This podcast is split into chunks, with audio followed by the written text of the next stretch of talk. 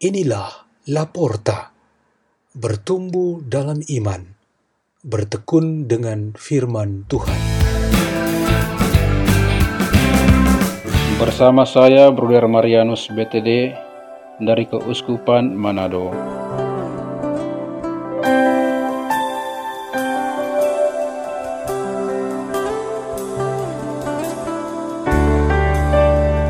Bacaan dan renungan Sabda Tuhan hari Senin, hari keempat Oktav Natal, 28 Desember 2020, Pesta Kanak-Kanak Suci.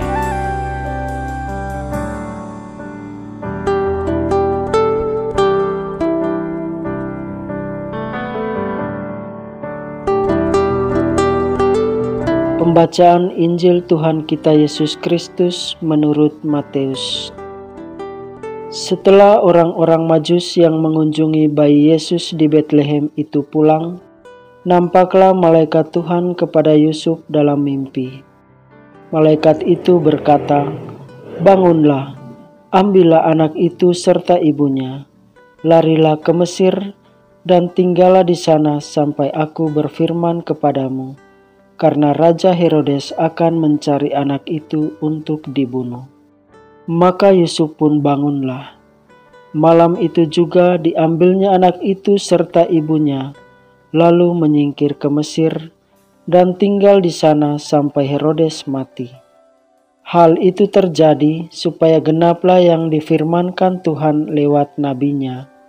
Dari Mesir kupanggil anakku. Ketika Herodes tahu bahwa ia telah diperdaya oleh orang-orang Majus itu, sangat marahlah ia. Lalu ia menyuruh membunuh semua anak di Bethlehem dan sekitarnya, yaitu anak-anak yang berumur dua tahun ke bawah, sesuai dengan waktu yang dapat diketahuinya dari orang-orang Majus itu. Dengan demikian, genaplah firman yang disampaikan oleh Nabi Yeremia.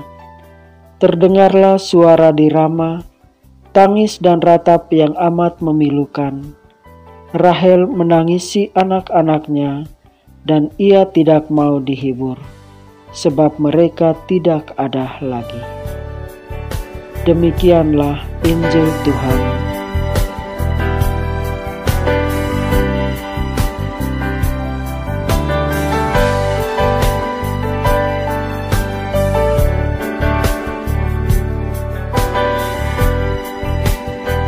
Renungan kita pada hari ini bertema Para Martir Pertama bagi Kristus. Baru saja dua hari lalu kita merayakan martir pertama dalam gereja yang baru didirikan di Yerusalem, yaitu Santo Stefanus. Hari ini kita berjumpa dengan sejumlah besar martir, yaitu anak-anak seumur bayi Yesus di Bethlehem, dan mereka pantas mendapatkan gelar para martir pertama bagi Kristus. Makna yang paling kentara untuk gelar ini ialah karena mereka menjadi korban. Mereka harus menerima kematian yang tidak mereka tahu, supaya menyelamatkan bayi Yesus yang terancam dibunuh oleh penguasa jahat Herodes, raja di wilayah Yudea dan sekitarnya. Mereka mati untuk Yesus mereka tidak mengetahui dan menyadari sendiri kematiannya. Maka harus dikatakan bahwa kematian ini sungguh suci, karena mereka tak tahu menahu. Dengan kata lain, mereka sangat inosen dengan kejahatan yang menimpanya. Makna lain yang lebih dalam ialah mereka sebagai martir gereja yang sudah potensial hadir di dalam dunia. Gereja akan secara nyata dan historis didirikan masih sekitar lebih dari 30 tahun setelah para bayi itu. Namun nyatanya gereja itu sudah ada sebagai persekutuan di Bethlehem ketika semua orang berada di sekeliling bayi Yesus.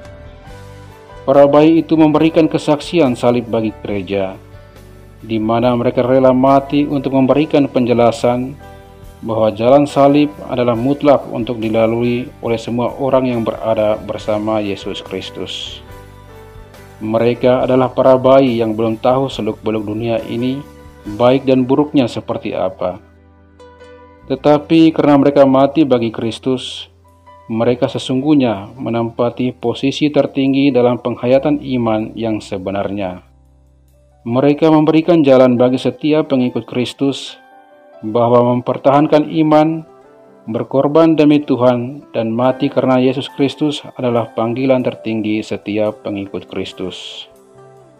Maka kembali lagi kita dikaitkan dengan semboyan kita bersama, tak ada mahkota tanpa salib karena melalui peristiwa-peristiwa Yesus dalam penderitaan, penghinaan, dan kematian di salib itu, kita mencapai kemenangan dan kemuliaan. Kematiannya memenangkan kehidupan, hidup abadi bagi kita. Darahnya yang tercurah bagi kita menurunkan pengampunan dosa dan rekonsiliasi kita dengan Bapa Surgawi. Entah sudah berapa kali kita mengalami suatu kemenangan atas dosa dan kejahatan, entah sudah keberapa kali kita diampuni dan kita amat bersuka cita. Ini adalah pengalaman iman yang amat spesial, bahwa kebahagiaan di balik penderitaan, kemartiran, dan kematian adalah sangat nyata. Marilah kita berdoa dalam nama Bapa dan Putra dan Roh Kudus. Amin. Ya Tuhan Yesus Kristus, bantulah kami untuk memikul salib-salib kami dengan gembira, sehingga kami dapat menjalankan kehendak-Mu dengan tulus. Bapa kami yang ada di surga, dimuliakanlah namamu. Datanglah kerajaan-Mu, jadilah kehendak-Mu di atas bumi seperti di dalam surga. Berilah kami rejeki pada hari ini, dan ampunilah kesalahan kami, seperti kami pun mengampuni yang bersalah kepada kami. Dan janganlah masukkan kami ke dalam pencobaan, tetapi bebaskanlah kami dari yang jahat. Amin. Dalam nama Bapa dan Putra dan Roh Kudus. Amin. La porta, la porta, la porta.